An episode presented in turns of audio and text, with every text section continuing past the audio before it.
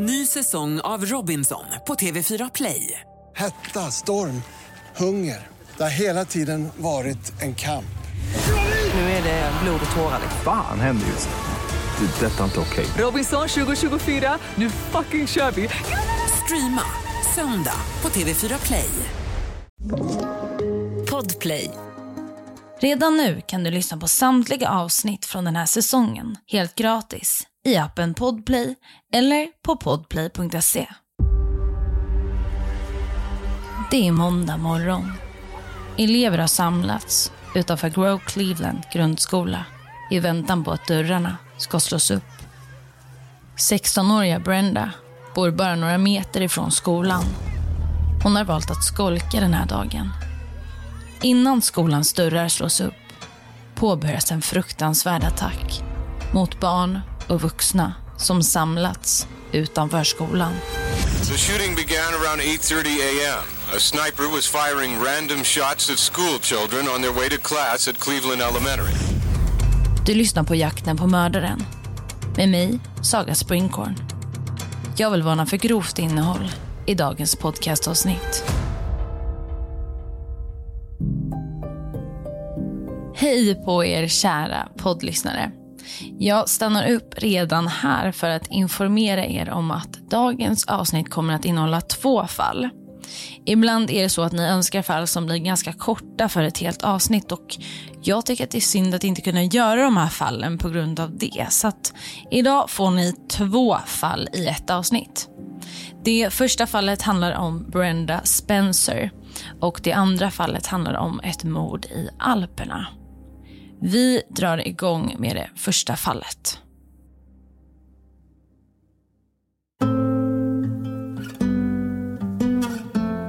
Brenda Spencer föddes 3 april 1962. Hon växte upp med mamma Dot och pappa Wallace och med sin äldre syster och äldre bror. Som barn var Brenda mycket aktiv och glad. Men saker och ting skulle komma att förändras när Brendas föräldrar skilde sig. Brenda är då nio år gammal och hon drabbas hårt av föräldrarnas separation. Både mamma Dot och pappa Wallace vill ha ensam vårdnad om de tre barnen. Barnen får säga sitt och både Brendas storebror och stora syster vill bo med pappa Wallace. Wallace vinner vårdnaden över barnen. Och då man inte vill att syskonen separeras bestäms det också att Brenda ska bo hos sin pappa tillsammans med sina syskon. Åren går. Den 16-åriga Brenda bor i San Carlos i San Diego, Kalifornien med sina syskon och sin pappa. Tvärs över vägen från deras hem ligger en grundskola. En skola som ska komma att bli måltavla för Brendas framtida planer. Lärare på Brendas skola beskriver henne som introvert och sömnig. Brenda skolkar en hel del och engagerar sig inte särskilt mycket i skolarbeten. Hon har svårt att hänga med i studierna. Brenda har dock en talang där hon verkligen sticker ut. Hon är duktig på att fota. Hon är kreativ. När skolan anordnade en fototävling så vann Brenda första pris. År 1978 har lärare på Brendas skola fått nog. Hon flyttades över till en anläggning för så kallade problemelever. Där uppmärksammade personal att Brenda inte mådde bra. Hon verkade vara deprimerad. Skolan i sin tur kontaktade Brendas föräldrar och informerade dem om att Brenda verkade vara självmordsbenägen. Samma år, den sommaren, grips Brenda av polis. Hon var känd för att skjuta fåglar i området för skojs skull. Men den här gången hade hon skjutit in i ett fönster på skolan tvärs över vägen. Ett fönster hade gått sönder, men ingen hade kommit till skada. Efter en psykiatrisk utredning av kriminalvården rekommenderades Brendas föräldrar att lägga in Brenda på mentalsjukhus. Brenda hade konstaterats lida av depression. Men Brendas pappa vägrade att lägga in sin dotter. Månader passerar. Höst övergår till vinter och plötsligt är det jul. Brenda får ett gevär och 500 tillhörandes patroner i julklapp av sin pappa. Det är måndag morgon. Den 29 januari 1979. Brenda vaknar intill sin pappa Wallace den här morgonen. Brenda säger att hon är sjuk. Hon mår inte bra och kan därför inte gå till skolan. Wallace lämnar hemmet runt klockan sju på morgonen. Brenda får stanna hemma och kurera sig. Men sjuk, det är hon egentligen inte. Hon har en plan. Klockan är omkring 8.30. Det är kallt ute. Frost ligger på marken. Grove Cleveland grundskola i San Diego ska snart slå upp portarna. Barn ställer sig på led utanför skolan i väntan på att rektorn ska öppna dörrarna. Tvärs över gatan sitter den 16-åriga Brenda och iakttar folkmassan som samlats utanför skolan från ett fönster i sitt hem. Brenda tar fram sitt gevär. Det geväret som hon fått i julklapp av sin pappa. Geväret är utrustat med kikarsikte. Hon riktar ut vapnet genom fönstret, siktar och börjar skjuta.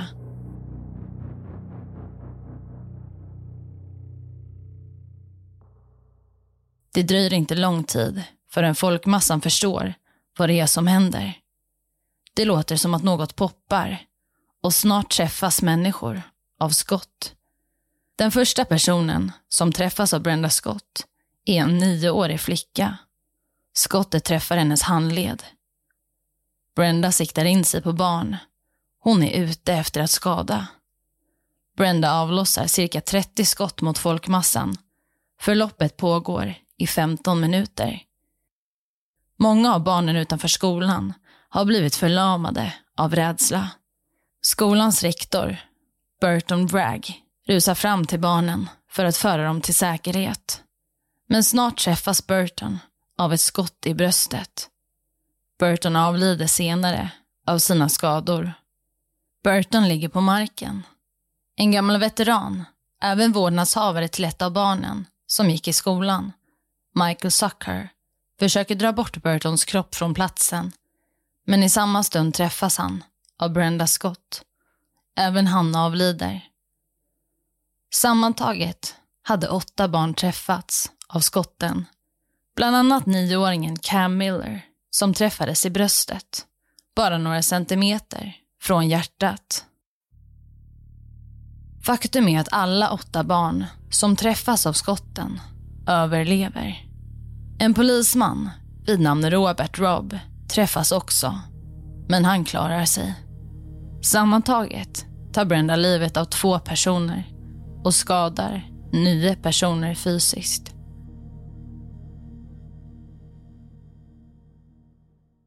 Ny säsong av Robinson på TV4 Play. Hetta, storm, hunger. Det har hela tiden varit en kamp.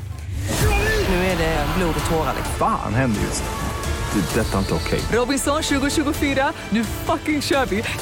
Streama söndag på TV4 Play. Ett poddtips från Podplay. I fallen jag aldrig glömmer djupdyker Hasse Aro i arbetet bakom några av Sveriges mest uppseendeväckande brottsutredningar. Går vi in med hemlig telefonavlyssning och, och då upplever vi att vi får en total förändring av hans beteende. Vad är det som händer nu? Vem är det som läcker? Och så säger han att jag är kriminell, jag har varit kriminell i hela mitt liv men att mörda ett barn, där går min gräns. Nya säsongen av Fallen jag aldrig glömmer på Podplay. Polis är snabbt på plats. Skolbussar hämtar upp barn och barn evakueras från området.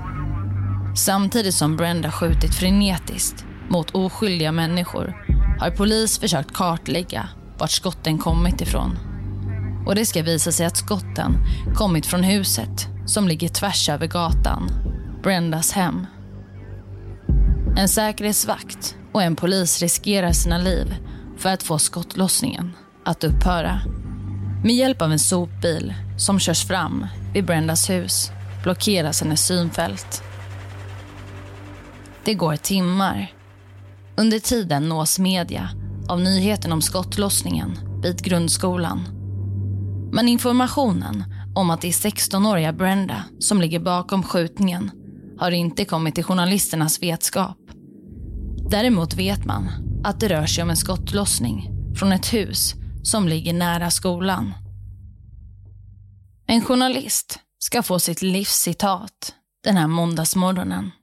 Journalisten börjar leta runt i telefonkataloger och ringer runt i grannskapet i närheten av skolan. Och efter en stund visar det sig att han hittat rätt nummer. Brenda Spencer lyfter på telefonen och erkänner att det är hon som ligger bakom skjutningen. På frågan varför hon gjort det säger hon Jag gillar inte måndagar. Det här livar upp dagen. Ett citat som blivit känt världen över. Polis är på plats och en förhandlare samtalar med henne. Brenda vägrar att samarbeta. Hon säger att hon fortfarande är beväpnad och hotar med att hon tänker skjuta om någon går in i bostaden. Efter cirka sju timmar börjar Brenda äntligen samarbeta då förhandlaren lovar henne en hamburgare från Burger King. Brenda går ut ur bostaden och grips av polis. När utredare och polis går in i hemmet möts de av en misär. Det ligger tomma sprit och whiskyflaskor i hela hemmet. Det är smutsigt och rörigt och det visar sig att Brenda och hennes pappa delar en madrass på golvet i sovrummet. Brenda hade ingen egen säng. Det var fattigt i hemmet och dåligt med mat. I förhör försöker utredare ta reda på varför Brenda skjutit och hur hon fått tag på vapnet. Hon berättar att hon fått vapnet av sin pappa på julafton. Brenda säger, citat, jag bad om en radio och han köpte en pistol till mig. Slutcitat. Utredare frågar varför Brenda tror att hennes pappa köpte ett vapen åt henne. Hon svarar, citat. Han köpte pistolen för att jag skulle ta livet av mig. Slutcitat. Det framkommer att Brenda, några veckor innan attacken, uttryckt att hon ogillar poliser och att hon velat skjuta en polis. Hon ska ha sagt att hon velat göra något stort som skulle komma med på tv. Vittnen berättar att Brenda pratade mycket om vapen. Det var tydligt att hon delade sin pappas intresse för vapensamlingar. Brenda genomgår flera undersökningar i häktet, både psykiska och fysiska. Det framkommer att Brenda har en skada på tinningloben. En skada som man kopplar samman med en tidigare cykelolycka. Huruvida denna skada kan ha påverkat Brendas beteende och agerande är det ingen som vet. Och där stannar vi upp lite. År 1979 så släpper artisten Bob Geldof låten I don't like Mondays. Och det var just så som Brenda sagt i samtalet med den här journalisten som ringde till henne, att hon utförde det här attentatet för att hon inte tyckte om måndagar. Låten blir snabbt populär. Brendas familj försöker få dem att sluta spela den här låten och sluta sälja den. De tycker att det här är väldigt problematiskt. Brenda däremot, hon tycker att den här låten är väldigt bra. Hon tycker om den och hon blir mer känd på grund av den här låten. Så att för henne, hon anser att det här är en fördel. Hon tycker bara det här är bra. År 1980, ja, då är det dags för rättegång för den numera 18-åriga Brenda Spencer.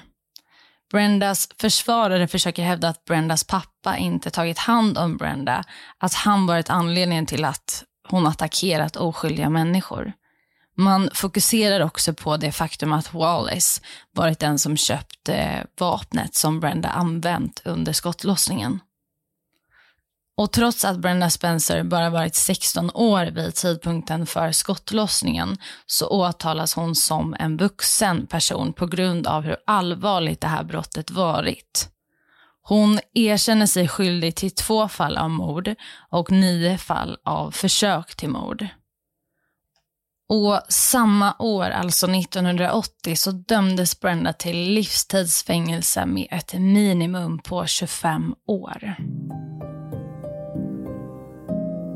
Idag är Brenda i 60-årsåldern och hon sitter fortfarande bakom lås och bom. Man tror att den här attacken som hon utfört har inspirerat andra attacker i modern tid. Och Brenda har faktiskt själv sagt citat. Med varje skolskjutning känner jag att jag är delvis ansvarig. Tänk om de fått idén från det jag gjorde. Slutcitat. År 2001 så anklagade Brenda sin pappa för att ha utsatt henne för misshandel och sexuella övergrepp. Brendas pappa däremot hävdar att de här anklagelserna inte är sanna. Och Det här var fallet med Brenda Spencer. Nu tänker jag att vi ska gå vidare till dagens andra fall. Och här kommer inledningen.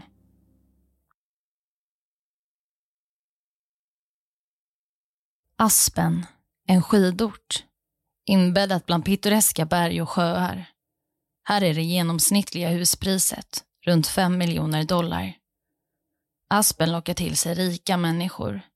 Ett harmoniskt område. Men år 2014 hittades en förmögen Aspen-societet död i sitt hem. Det blir början på en utredning vars resultat skulle komma att chockera människorna i det annars så harmoniska området.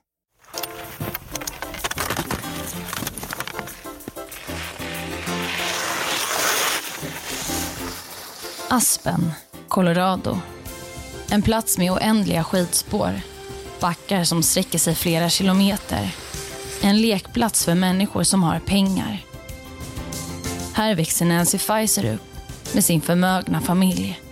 Hennes föräldrar hade sedan tidigare grundat den välkända skidresorten Buttermilk Ski Area.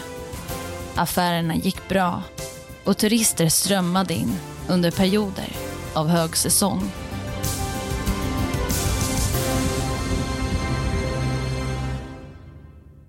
Nancy föddes den 4 juli år 1956 och blev snabbt välkänd i området. Familjen kallades för Aspens kungligheter. Många menade att de var anledningen till att Aspen blivit en känd plats. En plats som annars varit så öde hade fått liv. Nancys familj hade satt Aspen på kartan. Affärerna gick bra och familjen tjänade en förmögenhet. Nancy levde i lyx och ståt. Hon växte upp och umgicks med människor ur eliten. Det högsta samhällsskiktet. Hon festade med flera kända skådespelare och umgicks bland annat med medlemmar från den välkända familjen Kennedy. Nancy var en rolig och gränslös person hon hade det där lilla extra. Full med liv och energi. Vid 29 års ålder fick Nancy sitt första barn, dottern Juliana. Ungefär tio år senare fick hon en son. Vid en tidpunkt förlovade hon sig med en man vid namn Douglas. Men förlovningen höll inte särskilt länge. Nancy uppfostrade sina barn ensam. Hon var en fri kvinna och dejtade många olika män, ibland flera samtidigt. Vid 50 års ålder levde Nancy ungefär samma liv som hon levt sedan sin ungdom. Hon styrde fester, vilda fester, träffade människor och dejtade. Människor i Nancys omgivning problematiserade Nancys livsstil. Hon började dricka alkohol tidigt på dagen och var full nästan varje kväll droger, sex och alkohol dagarna i ända. I början av 2000-talet blir Nancy vän med en kvinna vid namn Kathy Carpenter. Kathy arbetade på bank men blev med tiden Nancys personliga assistent. Relationen växte sig starkare mellan Nancy och Kathy. De blev som helan och halvan. Med Nancy fick Kathy möjlighet att uppleva ett helt annat liv. Ett liv fyllt med upplevelser som hon inte haft råd med. utan Nancy. Året är nu 2013. Nancy ska i vanlig ordning åka iväg på semester under den kalla vintern. Hon sätter sig på ett privatflyg till soliga Australien. Där skulle hon stanna i flera månader. Det var i alla fall tanken. Under tiden som Nancy är borta ska Kathy hjälpa henne med uthyrning av huset. Det är paret Styler som ska hyra Nancys hus. Den pensionerade doktorn Trey och hans fru Nancy flyttar in i huset. Kathy ska se till att paret sköter sig, att ta emot betalning av hyran och mer därtill. Men snart blir det problem.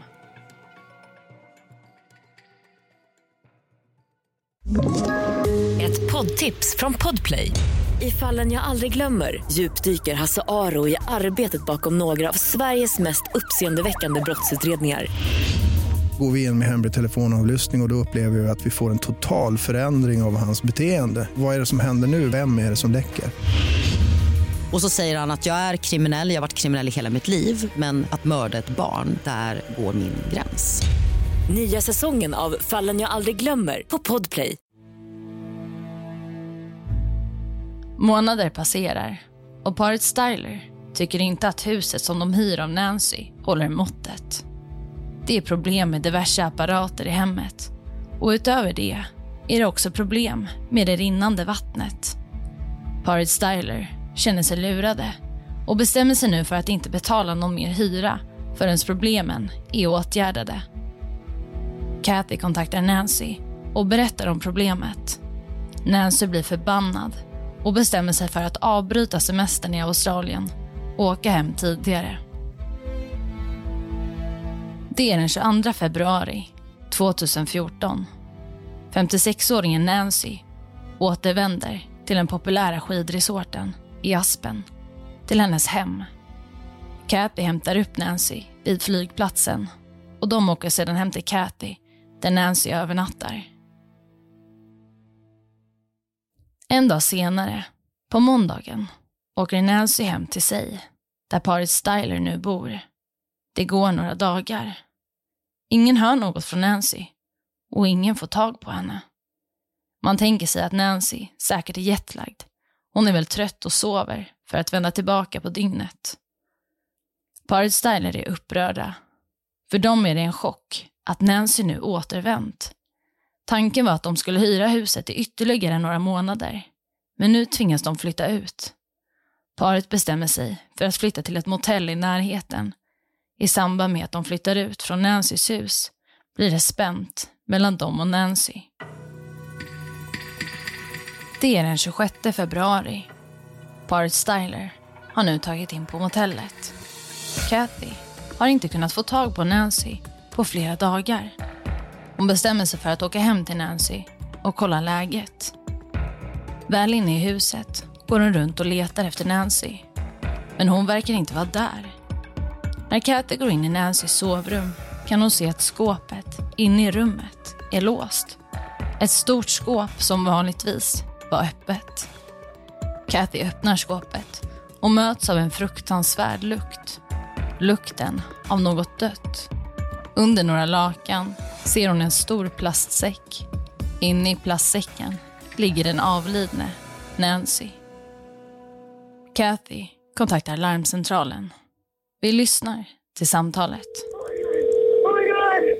Oh my god! 911, what is the address of the emergency? Help me! Oh my god! Oh, What is the address of the emergency? Uh, oh. He came in and he was Summerville Road. Is that a house, business, or apartment?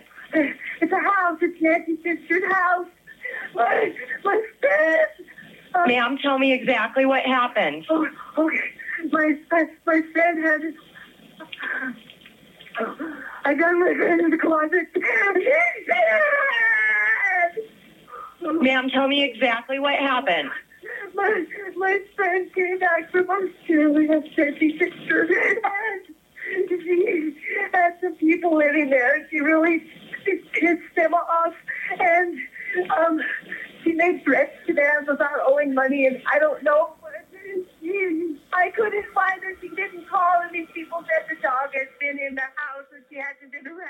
Nancy hade hittats i en stor plastsäck.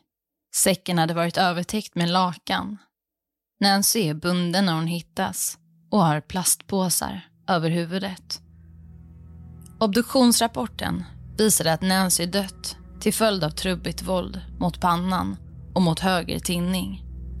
Obduktionsrapporten hävdade också att hon blivit slagen tre eller fyra gånger.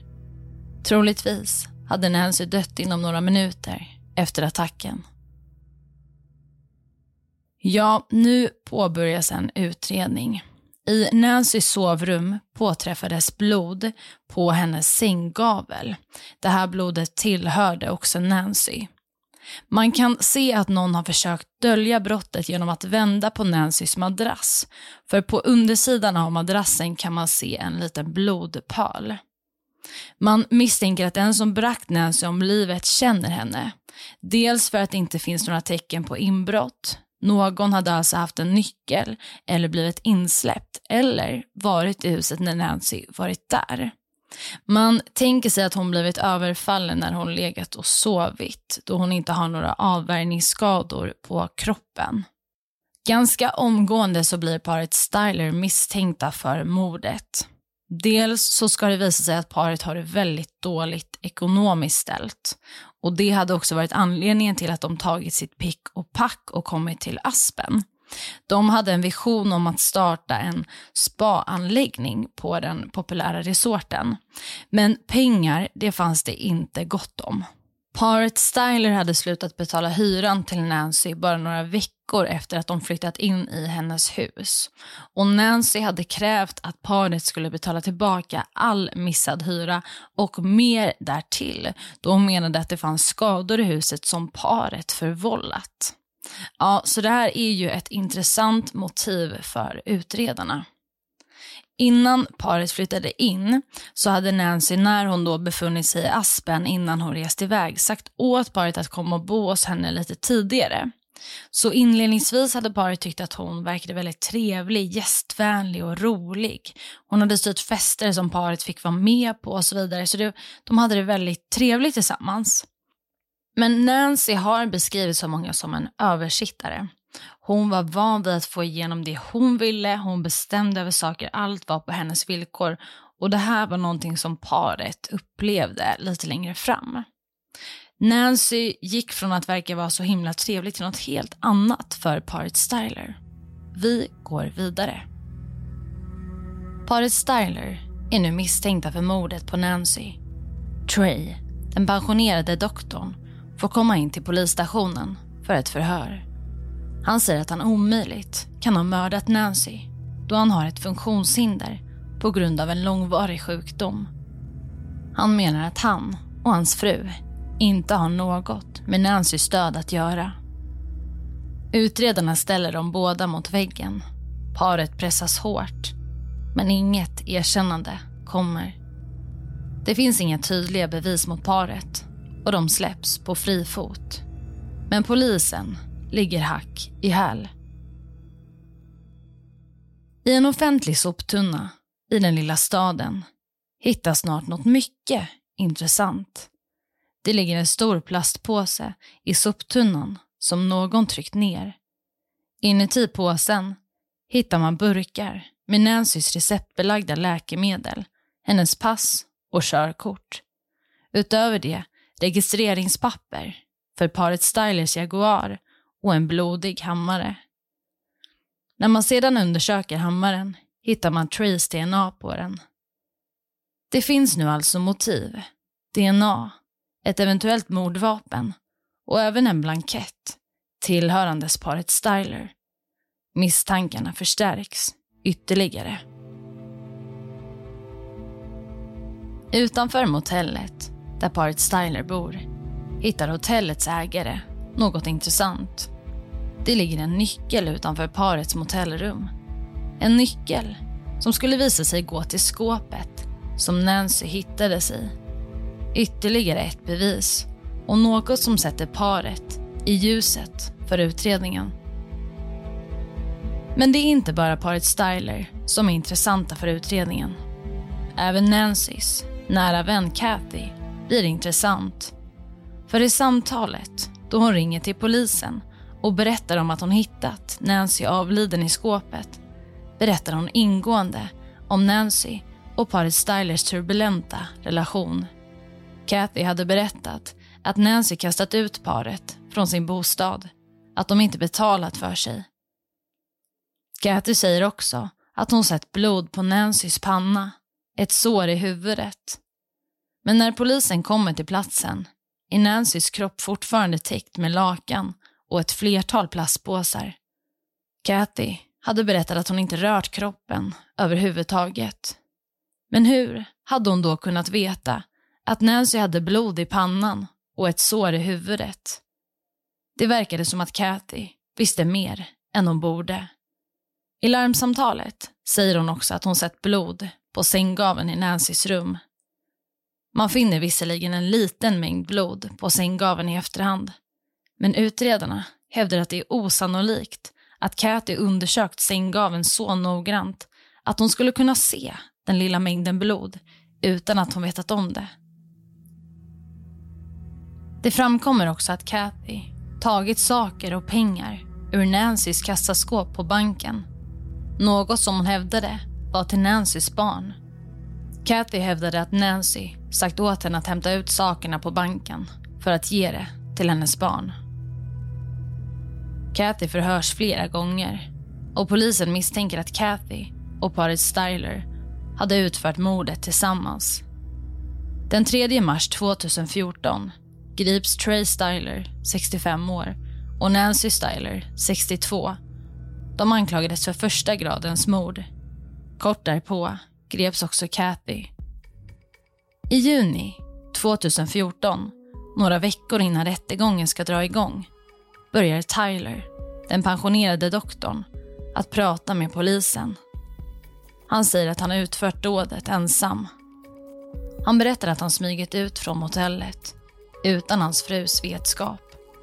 Han säger att han gått hem till Nancys hus och tagit sig in i hennes hem. Han hade gått upp för trappen och sett att Nancy låg och sov i sängen. Han gick fram till henne, höjde hammaren och började slå Nancy. Tidigare hade Tyler sagt att han inte kunnat utföra ett sånt här dåd då han hade ett funktionshinder. Men nu, i juni 2014, hävdar han att han ljugit. Han hade visserligen ett funktionshinder, men han hade tagit i och överdrivit. Tyler berättar att fru Nancy Styler och Kathy inte haft något med mordet att göra. Tyler hade försökt dölja brottet för alla i sin omgivning, men han kände sig nu tvungen att erkänna då både Nancy och Kathy var oskyldiga. Nancy och Kathy släpps nu på fri fot. Det Tyler nu berättar är en historia som många har svårt att tro på. Tyler hade väldigt svårt att gå på grund av sitt funktionshinder och satt för det mesta i rullstol. Människor frågade sig hur det kunde vara möjligt att han utfört det här dådet ensam.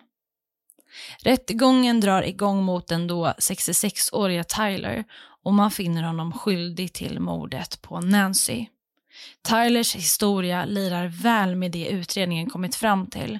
Hans DNA fanns på mordvapnet, alltså den hammaren som hittades i den offentliga soptunnan. Tyler dömdes till 20 års fängelse. Nancy Styler skilde sig kort därefter från Tyler och tog tillbaka sitt flicknamn, Nancy Manson. Knappt ett år efter domen den 6 augusti 2015 valde Tyler att avsluta sitt liv i fängelset. Han tog livet av sig. Och det här var allt för dagens avsnitt.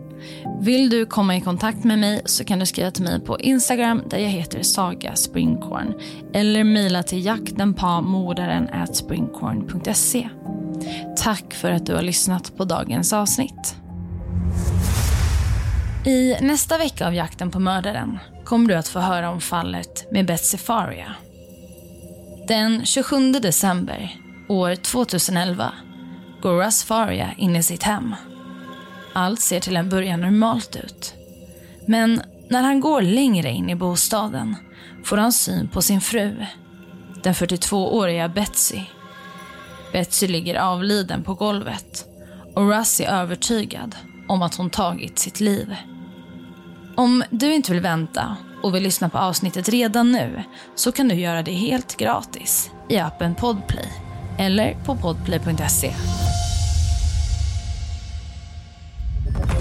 Podplay, en del av Power Media. ett poddtips från Podplay. I podden Något Kaiko garanterar östgötarna Brutti och jag, Davva, dig en stor dos skratt. Där följer jag pladask för köttätandet igen. Man är lite som en jävla vampyr. Man har fått lite blodsmak och då måste man ha mer. Udda spaningar, fängslande anekdoter och en och annan arg rant. Jag måste ha mitt kaffe på morgonen för annars är jag ingen trevlig människa. Då är du ingen trevlig människa, punkt. Något Kaiko, hör du på Podplay. Därför arkadeinerna.